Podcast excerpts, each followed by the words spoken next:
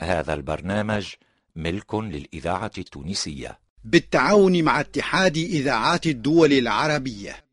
الإذاعة التونسية. إذاعة تطاوين تقترح عليكم.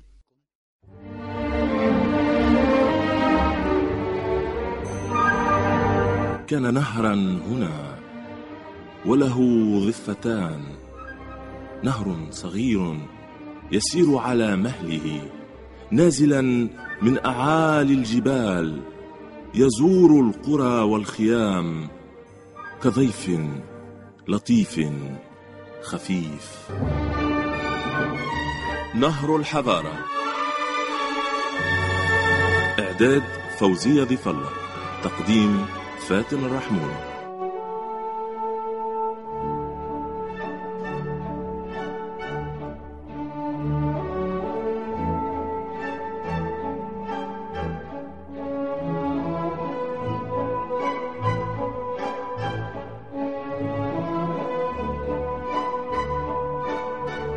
في الثالث من جوان عام تسعة وتسعين وثمانمائة وألف وخلال حفل خيري في فيينا اقترب رجل من قائد الفرقة الموسيقية وهمس في أذنه ببضع كلمات. توقفت الفرقة عن العزف لحظة ثم وبإشارة من قائدها انطلقت في معزوفة أخرى.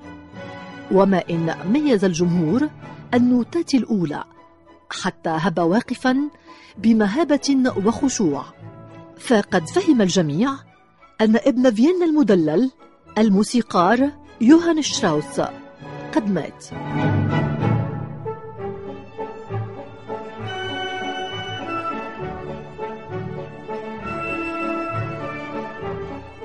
كانت المعزوفة التي وشوش الرجل باسمها أشهر أوبرا على إيقاع الفالس بل إن أهل النمسا كانوا يعدونها نشيدهم الوطني الثاني. فالز الدانوب الأزرق أشهر مؤلفات يوهان شتراوس الإبن.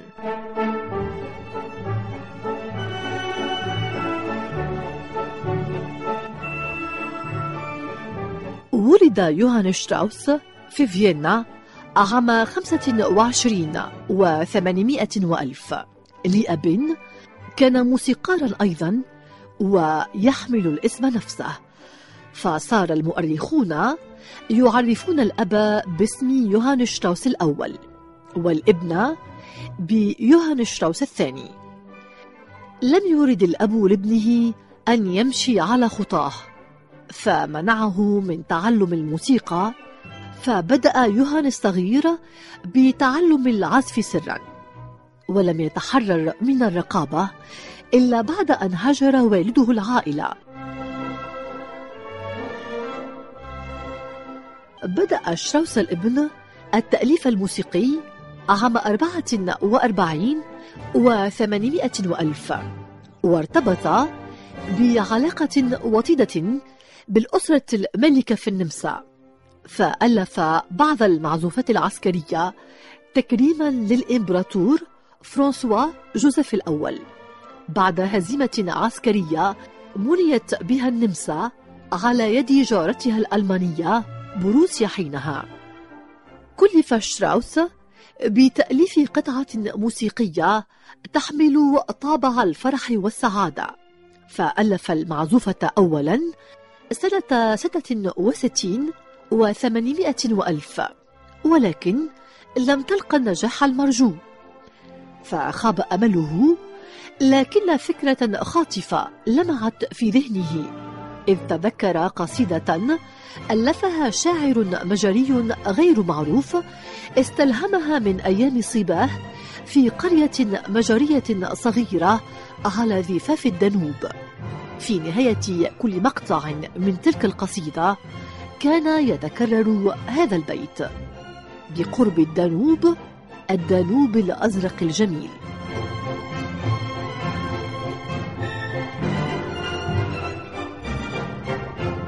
إذا فنهر الدانوب ألهم الشاعر المجري المغمور وبيت الشعر الذي تكرر في القصيدة ألهم شراوس. فحول معزوفته التي لم تلقى رواجا إلى مغناة مستعينا بالشعر. وبعد أن ذاع صيتها كتب لها نصا مختلفا للأوبرا لا علاقة له بالقصيدة الأصلية. وبعد 32 سنة وضع قاض عضو في المحكمة النمساوية العليا نصا أرقى لمقطوعة الفالس تتكرر فيها جملة شعرية شبيهة بذلك البيت الملهم. أيها الدانوب الأزرق جدا الأزرق جدا. والغريب أن لا أحد ولا حتى القاضي الجليل اعترض على وصف الدانوب بالأزرق رغم أنه لم يكن أزرق إلا في مخيلة ذلك الشاعر المجهول. ولكن ما الشعر في النهاية إن لم يكن رؤية أجمل للعالم؟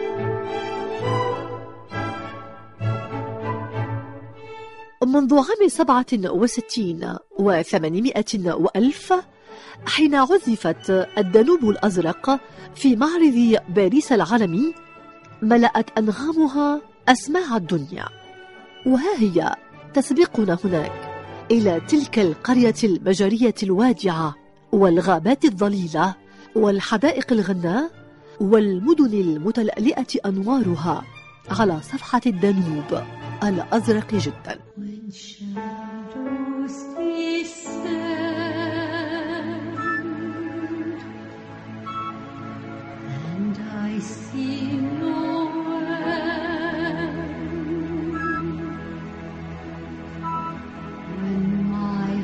Is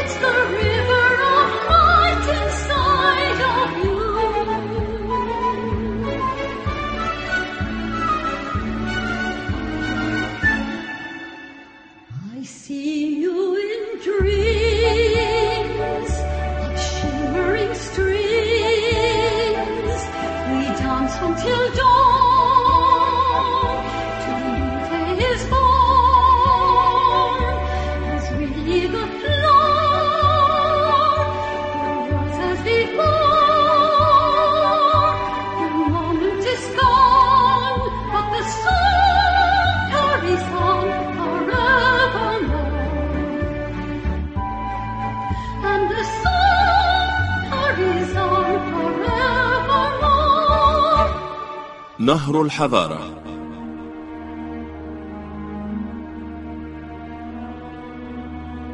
هذا البرنامج ملك للإذاعة التونسية.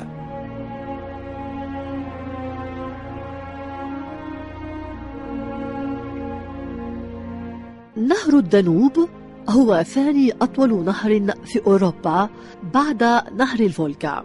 اشتق اسمه من الجذر اللاتيني دانوبيوس الذي كان يستعمل للدلالة على الأنهار ومجاري الماء. يعرف الدانوب أيضا بنهر العواصم إذ يمر بفيينا براتيسلافا بودابست وبلغراد وهو اتحاد لنهري بغيغ وبغيغاخ اللذين ينبعان من الغابة السوداء في ألمانيا. وعند نقطة الالتقاء في دونا واشنغن تبدأ مسيرة النهر على امتداد حوالي 2860 كيلومترا. يقطع فيها عشر دول حتى يصل إلى مصبه في البحر الأسود.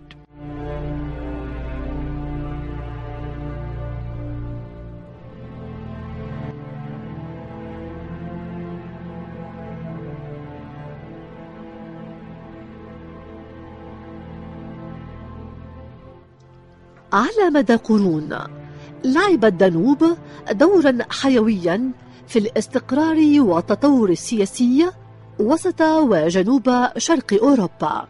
وعثر فيه على بقايا متحجرة تعود إلى عصور ما قبل التاريخ. وخلال القرن السابع قبل الميلاد وصل اليونانيون إلى أسفل النهر وأبحروا في منبعه. لقد كانوا على دراية بكامل مجرى النهر السفلي. وأصبح الدانوب فيما بعد بمثابة الحدود الشمالية للإمبراطورية الرومانية الشاسعة. وكان يطلق عليها اسم دانوف واستخدمته الإمبراطورية العثمانية أيضا لأغراض دفاعية في القرون اللاحقة. ومع بداية القرن السابع عشر اعترفت ملكة المجر وبوهيميا ماريا تيريزا بدور الدانوب كممر تجاري.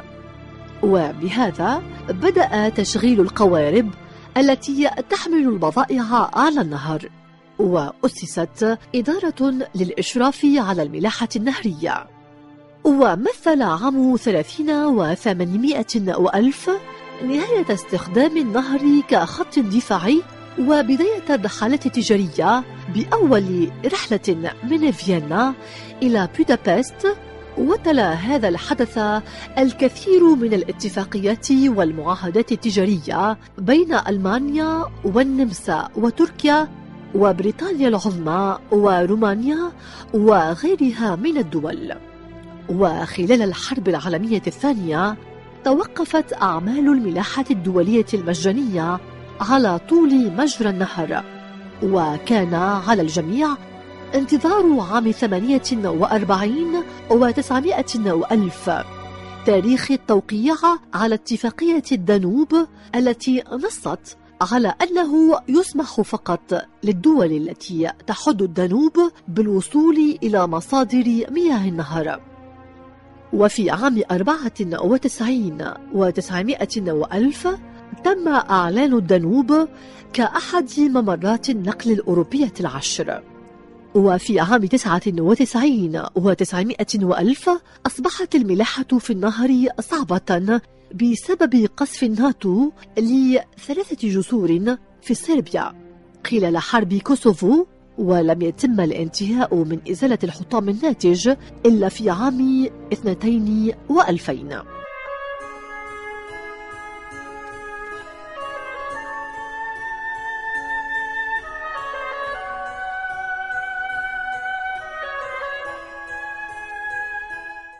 يدعم نهر الدانوب النظام الحيوي للعديد من الأنظمة البيئية مثل الغابة السوداء في ألمانيا جبال الألب في النمسا سهول البوستا في المجر الأراضي الرطبة في دلتا الدانوب وجزر الدانوب في بلغاريا. ويعيش أكثر من مئة نوع من الأسماك في مياه الدانوب. أما حوض النهر فتعيش به أنواع نادرة من الطيور مثل اللقلق الأسود والبجع الأبيض والنسر ذي الذيل الأبيض. ولهواة الطبيعة وركوب الدراجات الهوائية أنشئ مسار كبير للدراجات ممتد على طول نهر الدانوب يبدأ وينتهي من حيث يبدأ وينتهي نهر الدانوب نفسه. أما أعماق النهر فهي مقبرة للكثير من السفن الألمانية التي آثر الألمان إغراقها خلال الحرب العالمية الثانية على أن تصبح غنيمة للسوفييت.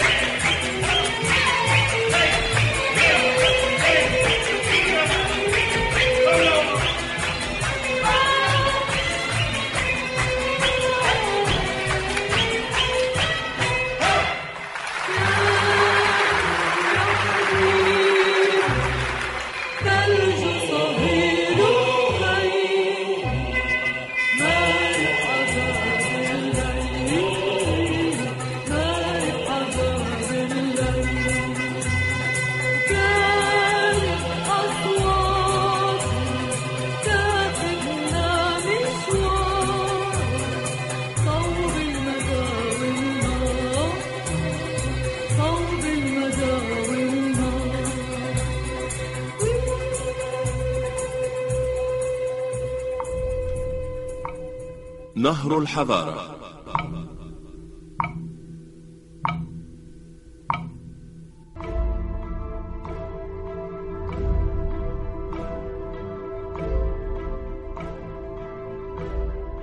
عندما ترى جبالا يغطيها الضباب وبحيرات عميقة صافية ووديانا شديدة الانحدار ومروجا خضراء خصبة.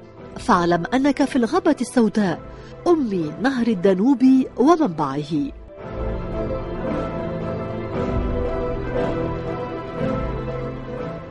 سميت الغابة السوداء بهذا الاسم بسبب كثافة أشجارها التي تحجب أحيانا نور الشمس لدرجة أنه يصعب تحديد الزمن داخلها أو التفريق بين ليلها ونهارها ولا يقف كرم تلك الأشجار عند ظلالها الوارفة أو أغصانها وجذوعها التي تتخذها السناجب والطيور مساكن لها.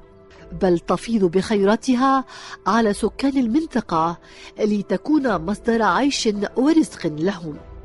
فما إن تسقط شجرة حتى تستلمها أنامل حرفيين مهرة فتتحول إلى أثاث ودمى وآلات موسيقية وتحف خشبية. أشهرها ساعة الوقواق التي تصنع يدويا.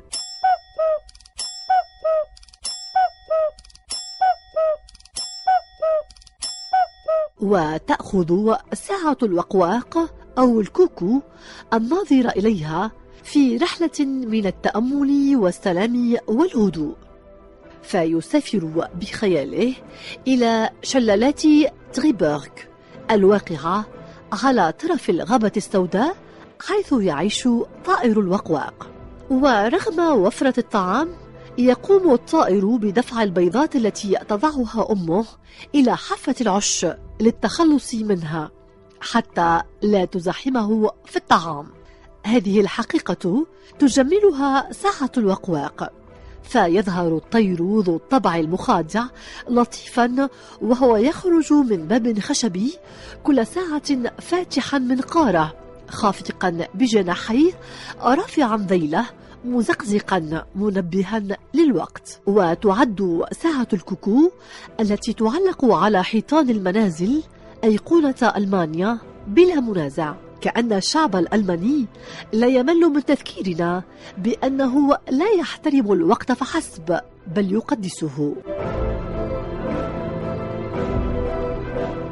ومن محاسن الصدف أن أعظم عالم في العصر الحديث ألبرت أينشتاين ولد في مدينة أولم الألمانية على ضفاف الدانوب وأعظم أعماله نظرية نسبية تتمحور حول الوقت أي الزمن.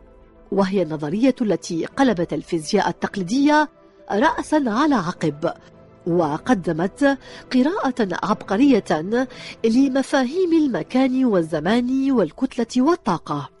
وحين طلب من أينشتاين أن يشرح النسبية بطريقة يفهمها الجميع قال ضع يدك على صفيح ساخن لمدة دقيقة وستشعر أنها ساعة. اجلس مع محبوبتك لمدة ساعة وستشعر بأنها دقيقة. هذه هي النسبية.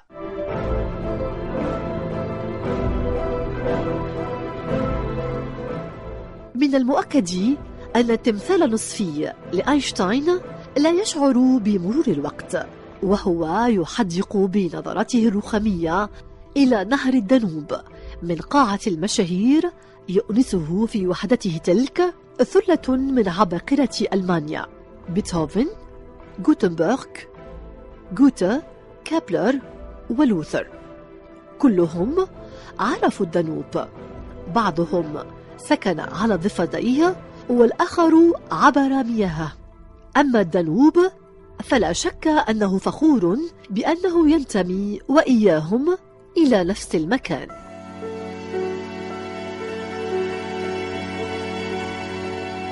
Avec le temps, avec le temps va, tout s'en va, on oublie le visage et l'on oublie la voix. Le cœur, quand ça bat plus, c'est pas la peine d'aller chercher plus loin. Faut laisser faire et c'est très bien.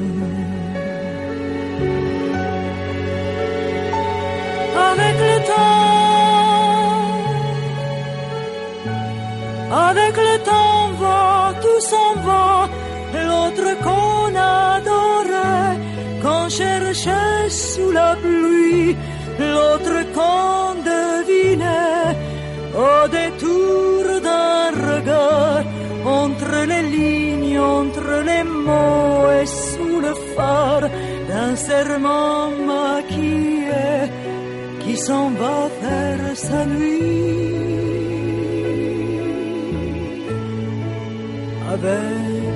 Le temps, tout s'évanouit.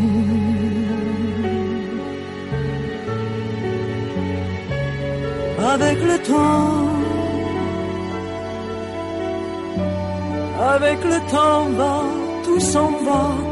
Même les plus chouettes souvenirs s'attaillent de ses gueules à la galerie farfouille dans les rayons de la mort le samedi soir quand la tendresse s'en va toute seule.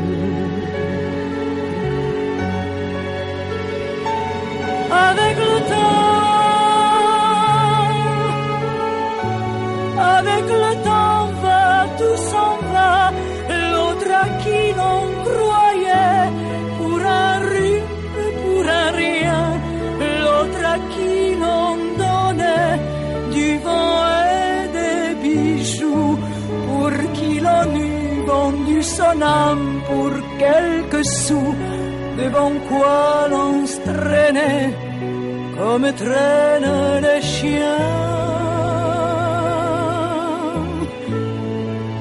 avec le temps. Va, tout va bien.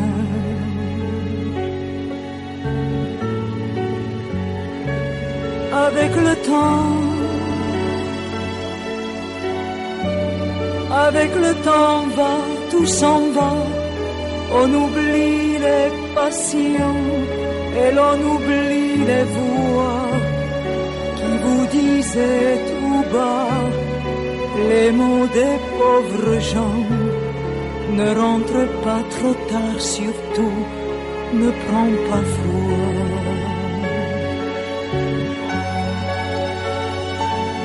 Avec le temps, temps va, tout s'en va, et l'on se sent blanchi comme un cheval fourbu, et l'on se sent glacé dans un lit de hasard, et l'on se sent tout seul peut-être, mais peinard, et l'on se sent floué par les années perdues.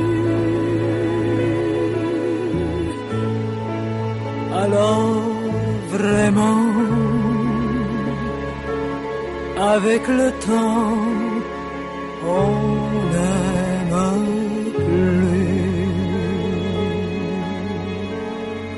كان نهرا هنا وله ضفتان نهر صغير يسير على مهله نازلا من أعالي الجبال.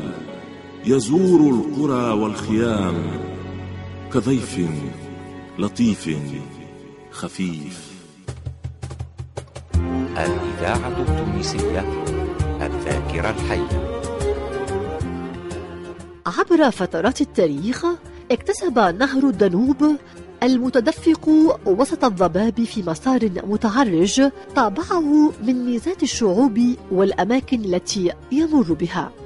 وللنهر ألوان مختلفة باختلاف عدسه المشاهد. فإن بدا أزرق اللون لذلك الشاعر المجهول في تلك القرية المجرية فإن المجريين أنفسهم يصفونه بالنهر الأشقر لأن الرمال الذهبية تتكدس على طول ضفتيه في المجر. أما في بلغاريا فيوصف بالأبيض. وبالقرب من مدينة رام الصربية تبدو مياهه فضية ونقية.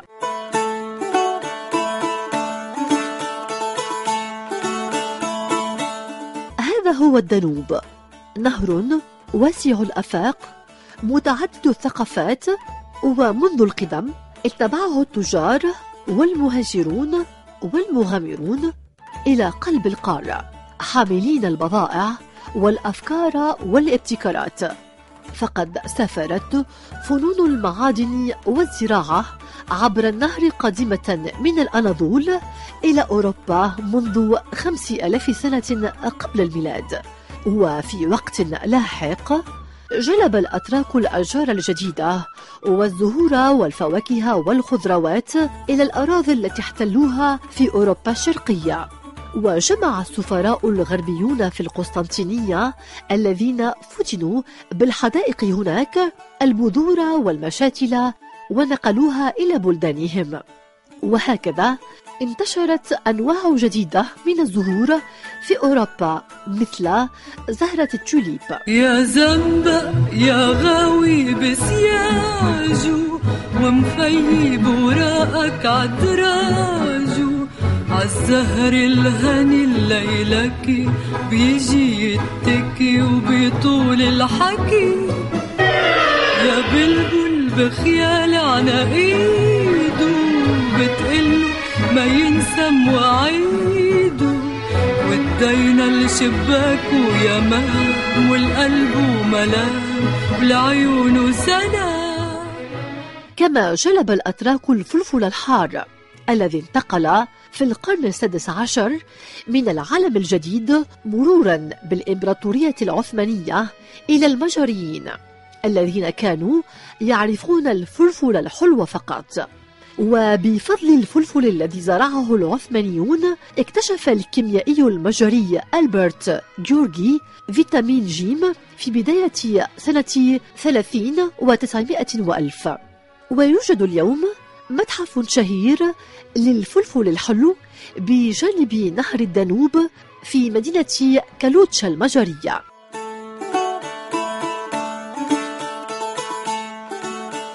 في القرن الثامن عشر في فيينا وتحديدا في ناش ماركت أكبر وأعرق أسواقها الشعبية كان الباعة يتوافدون من الشرق عبر النهر. يجلبون معهم الحلوى والخبز والفواكه المجففة والمكسرات من سمرقند والنبيذ من رومانيا وبلغاريا والكافيار من بحر قزوين. ففي العصر الروماني كان سمك الحفش وفيرا في نهر الدانوب لذلك مثل الكافيار طعام الفقراء لكنه لم يعد كذلك الآن. فالرطل منه يباع بآلاف الدولارات.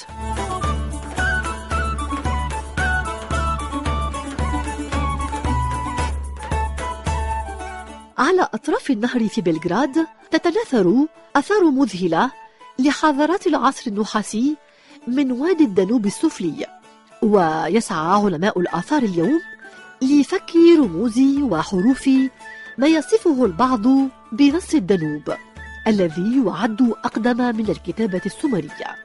وقد وجد منحوتا في الحجارة ومرسوما على الأواني في منحدرة فينسا. وفي جانب آخر تعرض متاحف نوفي ساد وبلغراد المطلة على نهر الدانوب في صربيا أنواعا مختلفة من السيوف التي استخدمت في المعارك بين أوروبا المسيحية والإمبراطورية العثمانية.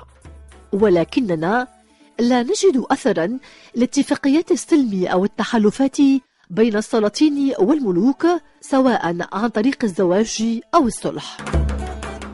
تتشارك الشعوب التي تعيش على ضفاف الدانوب فن قراءة مزاج النهر. ففي المجر مثلا يدرك الصيادون أن الضباب الذي يحف بنهر الدانوب في شهر مارس يؤشر على قدوم فيضانات بعد مئة يوم أي وقت الحصاد. وفي كل الحالات لا يجب الاستهانة بتقلب مزاج الدنوب فهو لطيف هادئ معظم فترات السنة شرس عنيف في أوقات أخرى.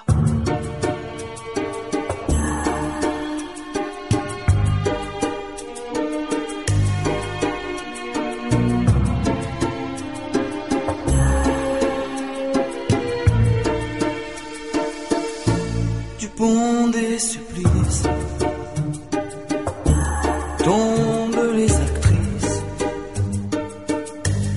dans leurs yeux chromés le destin s'est brouillé au café de Flore la faune et la flore on allume le monde une fumée blonde. Maintenant que deviennent, que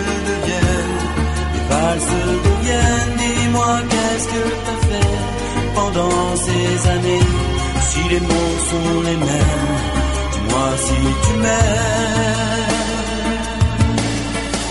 Maintenant que deviennent, que deviennent les valses deviennent et les volets qui grincent d'un château de province.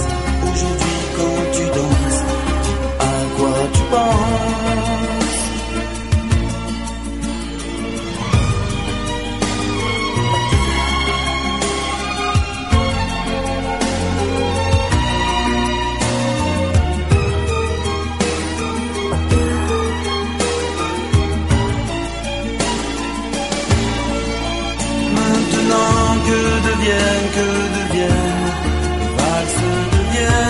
Dis-moi qu'est-ce que t'as fait pendant ces années?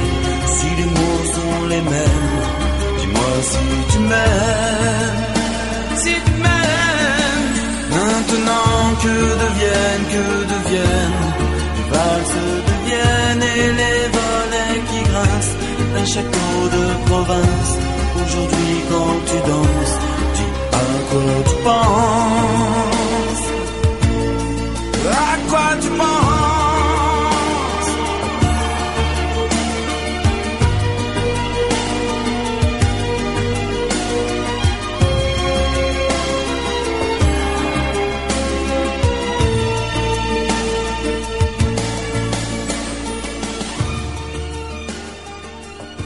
بودابست هي لؤلؤة دانوب وملكته كما يصفها المجريون.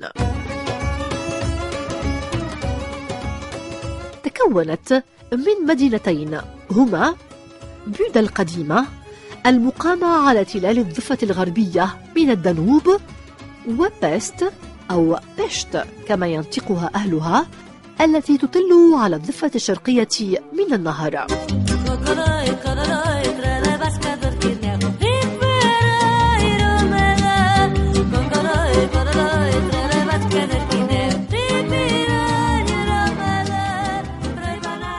عندما تنظر جهة الغرب تتراءى لك بودا التي أحاطتها التلال المكسوة بالأخضر وعلى تل غير بعيد تمثال لطير طرول الأسطورية يحلق عاليا. إنه الطير الذي أرشد القبائل المجرية إلى هذا المكان حيث استقرت وبنت دولتها.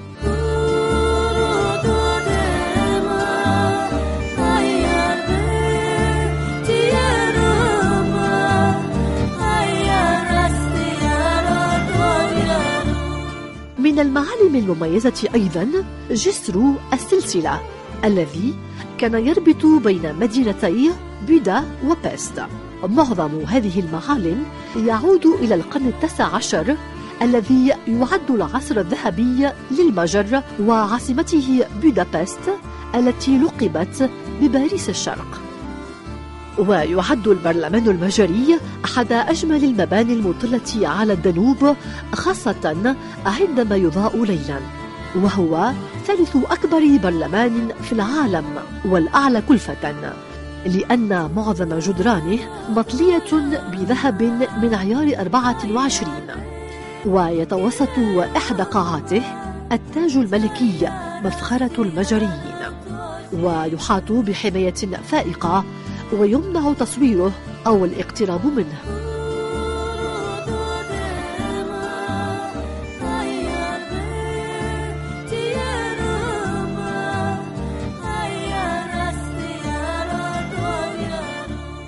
وعلى الرغم من أن بودابست خلعت ماضيها الشيوعي إلا أن الماضي القريب ما زال حاضرا في منزل الرعب مثلا مقر البوليس السري.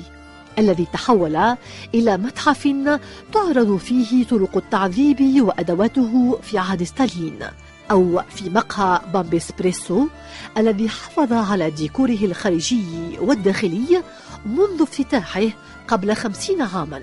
وما زال الإقبال عليه كبيرا حتى اليوم. ويفسر المجريون ذلك بالقول إنه يذكرنا بالجوانب الإيجابية للفترة الشيوعية.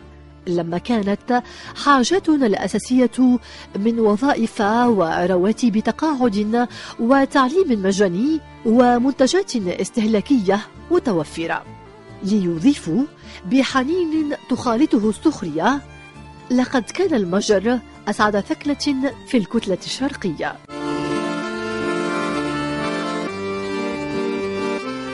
واللافت في الشعب المجري اعتزازه بإرثه الحضري. مع بعض المبالغة أحيانا إذ يردد المجريون أنهم اخترعوا الكمبيوتر وإنهم أصحاب منهج كدلي لتعليم الموسيقى ومبتكرو مكعب روبيك أكثر لعبة بيعت في العالم وقلم الحبر الجاف بيرو كما أن منشئ جائزة بوليتزر العريقة هو جوزيف بوليتزر المجري الأصلي وأكبر ناشر للصحافة الأمريكية في التاريخ.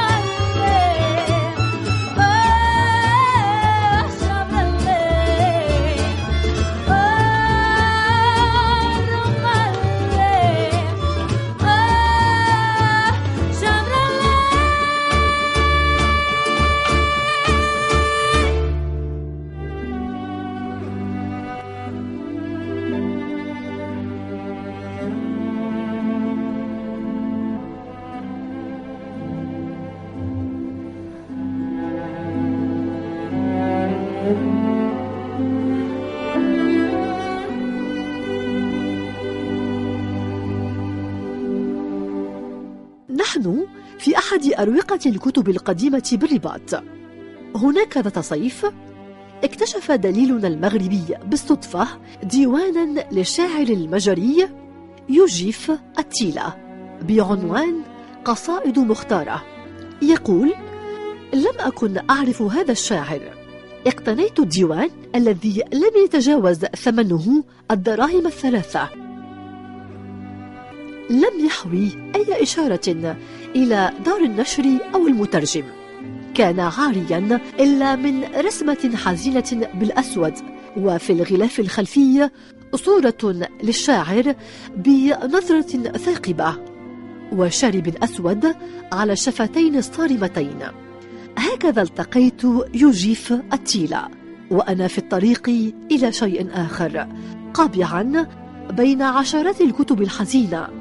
التي لم تجد قراء في حينها أو التي باعها أصحابها لأسباب أو لأخرى. هذا اللقاء بالشاعر المجر العظيم كان لائقا تماما لأن أتيلا لم يكن شاعر الواجهات والرفاه. كان شاعر الطرقات وحواشي المدينة. أليس هو القائل؟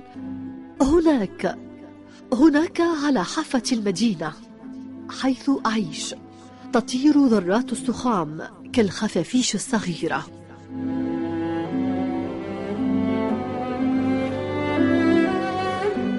ولد أتيلا في بودابست عام خمسة وتسعمائة وألف. وهو في الثالثة من عمره هجر أبوه الأسرة وتركها لحياة البؤس. معتمدة على القليل مما تجنيه الأم من عملها كخادمة وغسالة ثياب. كان أتيلا يساعدها ما استطاع. كان يبيع المياه في دور السينما ويعمل حمالا في السوق.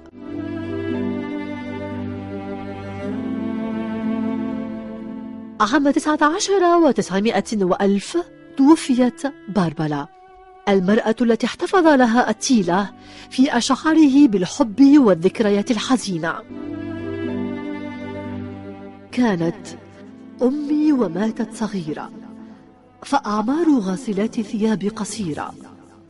قدم الغسالة ترجف من حمل الأثقال والرأس تصدعها المكواة Ils sont venus, ils sont tous là. Dès qu'ils ont entendu ce cri Elle va mourir là.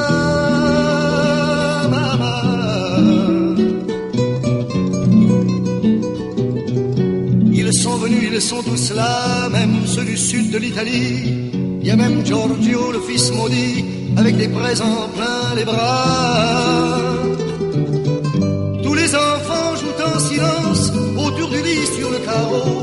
Mais leurs jeux n'ont pas d'importance, c'est un peu leur dernier cadeau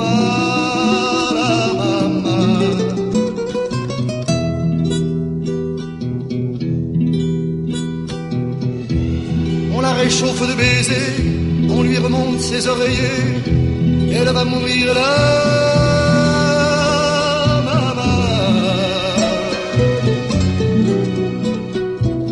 Sainte Marie pleine de grâce, dont la statue est sur la place, bien sûr vous lui tendez les bras en lui chantant Ave Maria.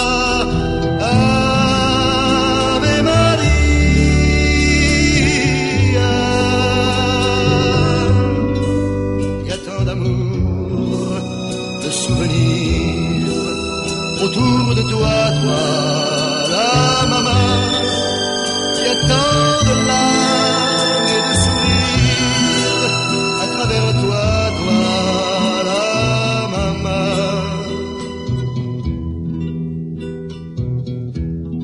كتب أتيلا شعرا يشبه معاشة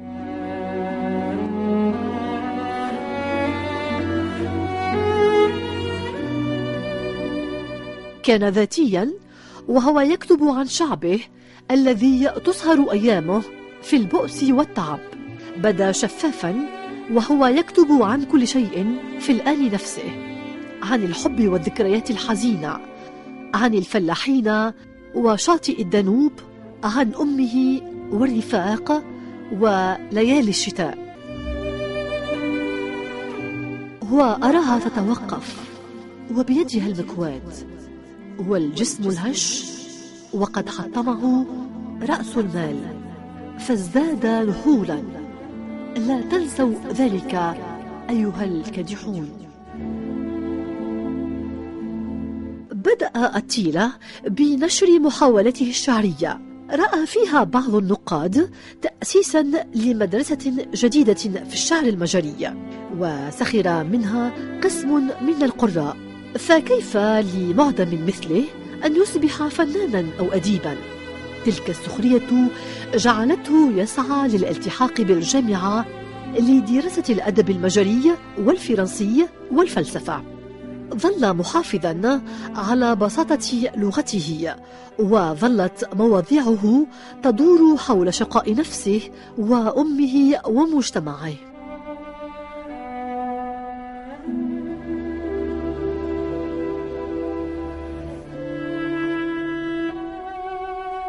قال عنه بعض النقاد لقد أصبح أتيلة شاعرا كبيرا وهو في السابعة عشرة. وجميعنا كنا نعرف أنه عبقري ومع ذلك تركناه يذوي أمام أنظارنا. أما هو فيقول عن نفسه اعتبروني طفلا معجزة لكني كنت يتيما لا غير. انتهى به نضاله السياسي إلى المحاكمات والسجن بتهم التحريض المباشر في شعره. فتراجعت كبريات الصحف عن نشر أعماله وتم لاحقا طرده من الحزب الذي ينتمي إليه. لم يحتمل أتيلا واقعه القاسي ولا ماضيه الشقي فأراد أن يضع حدا لبؤسه. فاختار طريقة انتحار كان قد وصفها في أحد أشعاره. سأقرفس في طريق القطار المندفع. وبالفعل قرفس الشاعر الهش الحزين في الثالث من ديسمبر عام سبعة وثلاثين وتسعمائة وألف أمام القطار في المحطة التي عمل بها في طفولته حمالا للفحم شاعرا كبيرا بقلب ثري وجيب مفلس.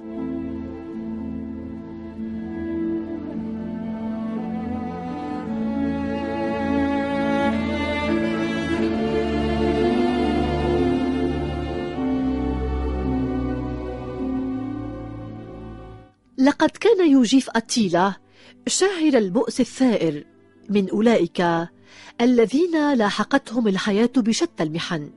فتألموا واشتكوا وتمردوا وثاروا.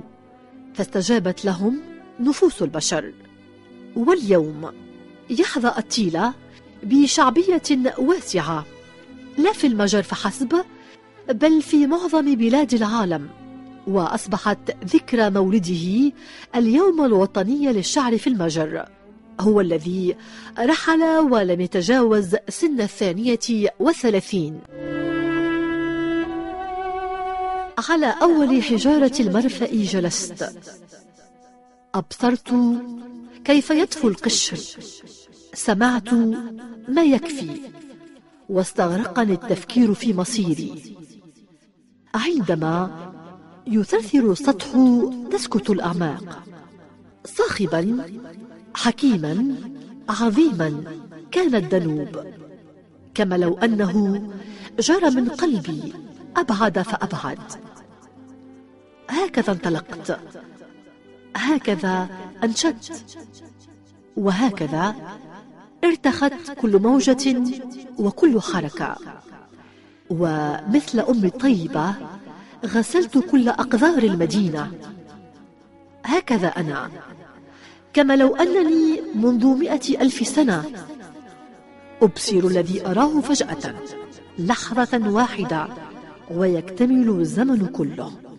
الزمن الذي يرقبه معي مئة ألف من أسلافي.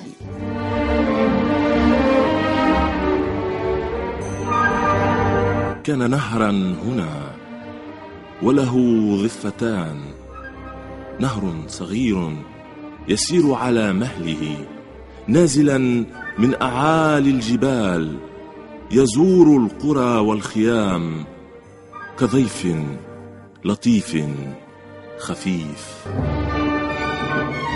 نهر الحضارة. إعداد فوزية الله تقديم فاتن الرحمون.